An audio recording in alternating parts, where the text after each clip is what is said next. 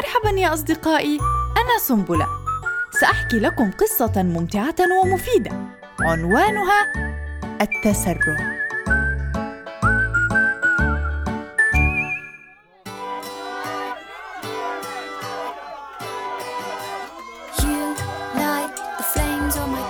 غيوة فتاة لطيفة وجميلة. أتمت العاشرة من عمرها الأسبوع الفائت في احتفال اجتمع فيه الأهل والأقارب والأصحاب وكثرت الهدايا.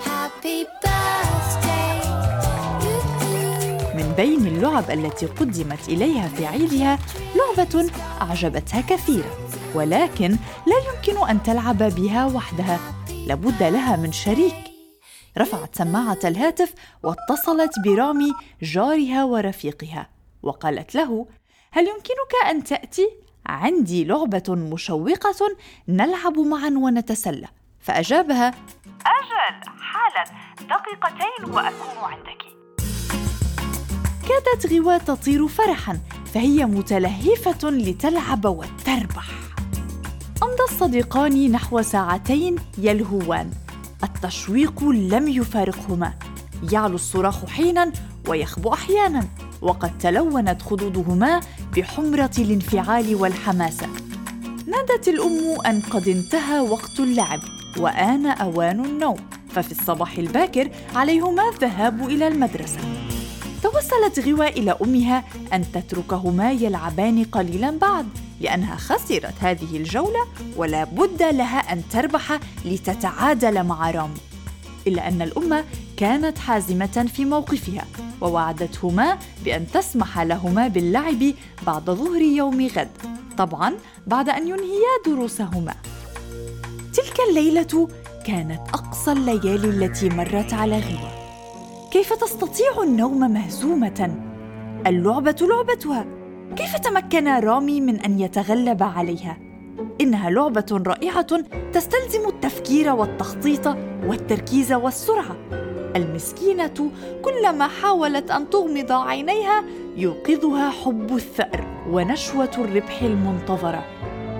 في اليوم التالي بعد عودتها من المدرسة أنجزت فروضها بسرعة البرق، طبعاً بلا تمعن ولا تدقيق، المهم أنها ملأت الصفحات البيضاء على الدفاتر، أما الدروس فعليهما السلام. قد لا تسألها فيها المعلمة غداً، وإن سألتها تبتدع لها حجة. المهم المهم بالنسبة إليها هو أن تشفي غليلها وتربح هي. لقد وضعت خطة رائعة استحوذت على تفكيرها طوال اليوم في المدرسة. ففي الصف حين كانت المعلمة تشرح الدرس كانت تنظر إليها بعينين سارحتين مسافرتين إلى هناك حيث فكرها يعمل. تناولت طعام الغداء وحدها لأن والديها في عملهما. وكالعادة رتبت المطبخ.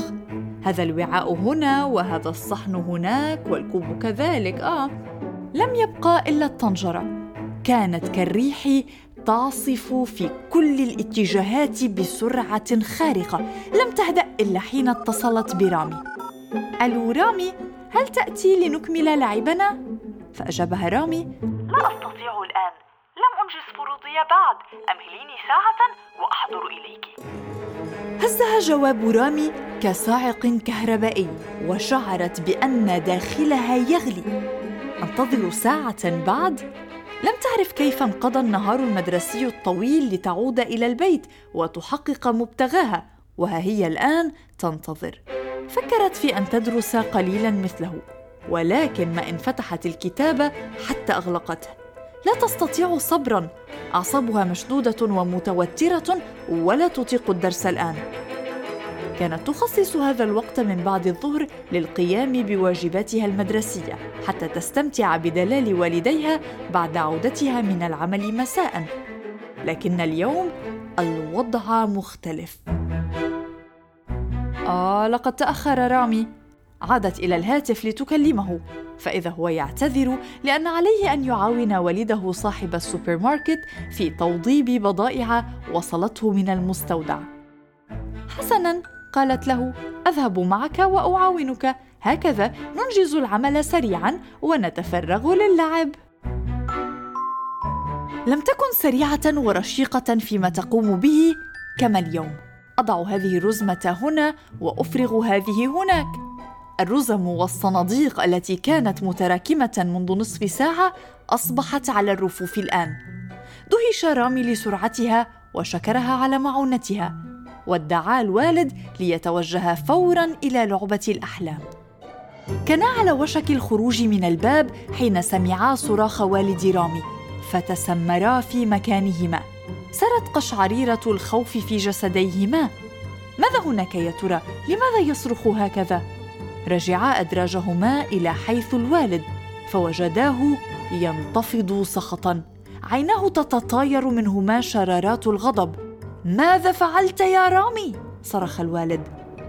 لم أتوقع أن تقلب مساعدتك المكان راسا على عقب. لقد وضعت أكياس الأرز فوق أكياس العدس والسكر فوق الطحين والجوز فوق الحمص وعلب الذرة مع مساحيق التنظيف. أهذا ما كنت أنتظر منك؟ اعتقدت أنك أصبحت واعيا يمكن الاعتماد عليك وقادرا على تحمل المسؤولية. لقد خيبت ظني. أنت ما زلت ولدا طائشا ومعاملتي لك ستتغير من الآن فصاعدا. ارتبك الصبي وارتجفت أوصاله. تزايدت خفقات قلبه.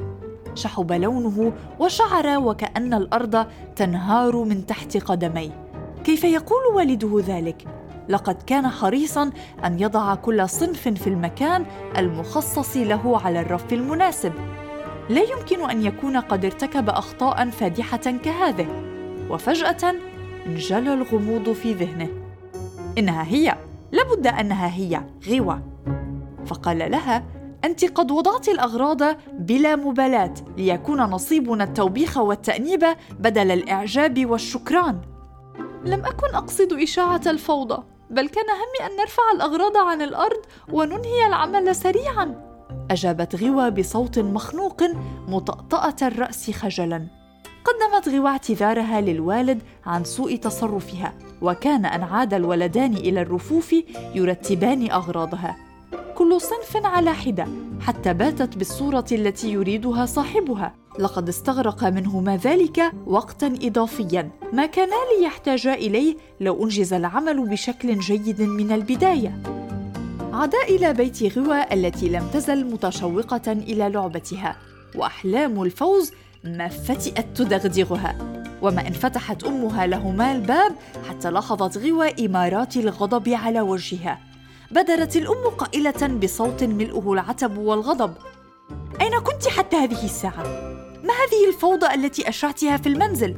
أجابتها غوى كنت مع رامي في السوبر ماركت وقد وضبت كل شيء قبل أن أغادر المنزل. فردت الأم اذا تعالي لتريني حسن التوضيب. شدتها والدتها وقادتها إلى المطبخ. انظري ما فعلت.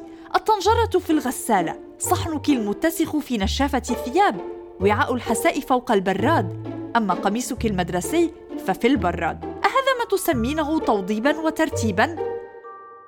أسفت غوى من أعماق قلبها لسوء تصرفها. إنها المرة الثانية التي تؤنب فيها انحدرت الدموع على خديها ندما وصممت ألا تكرر هذه الأفعال المتهورة. ولما طلبت الأم شرحا لما قامت به أخبرتها غوى أنها كانت على عجلة من أمرها لتحقق فوزها في اللعبة التي شغلت فكرها. وكان العقاب أن تعاود غوى توضيب الأغراض بشكل صحيح ما أدى إلى تأخرها عن مرادها أكثر فأكثر. غادر رامي إلى بيته فقد حان موعد النوم لأن في الغد مقاعد الدراسة في الانتظار. أما غوى فقد دخلت غرفتها تبكي بمرارة فشلها في كل ما قامت به ذلك اليوم. دخلت عليها أمها بعد قليل لترى عينيها غارقتين في بحر من الدموع. تئن انينا تختلط فيه الندامة والأسف. تعالي يا غوى واجلسي إلى جانبي قالت الأم بعد أن أحست بعمق الأسى الذي تشعر به ابنتها. هدأت روعها ومسحت دموعها. وراحت تداعب خصلات شعرها المنسدل على الكتفين. أعرف يا حبيبتي أنك ما قمت بما فعلت عمدا أو بقصد الأذى وإثارة الفوضى.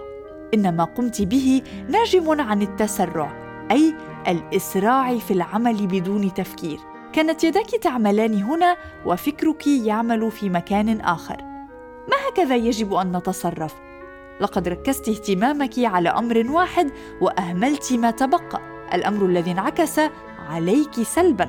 والنتيجة أنك لم تدرسي ولم تنجزي عملك ولم تلعبي لقد خسرت كل شيء. لو أنك وضعت برنامجا لما ستقومين به وخصصت لكل عمل وقتا لكنت أنجزت ما عليك بإتقان ودقة ولم تخسري امرا على حساب الآخر.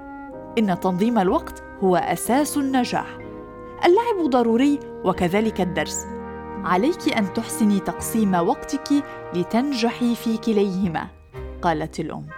فهمت غوى خطأها ووعدت أمها بأن تكون فتاة منظمة وتقسم أوقاتها وتجعل لكل عمل وقتا كي تنجح في حياتها. قرأنا لكم في بودكاست سنبلة قصة التسرع. تأليف ديانا زيدان معوض. صادرة عن دار النديم للطباعة والنشر. قراءة سارة خازم وإخراج حسين حجازي.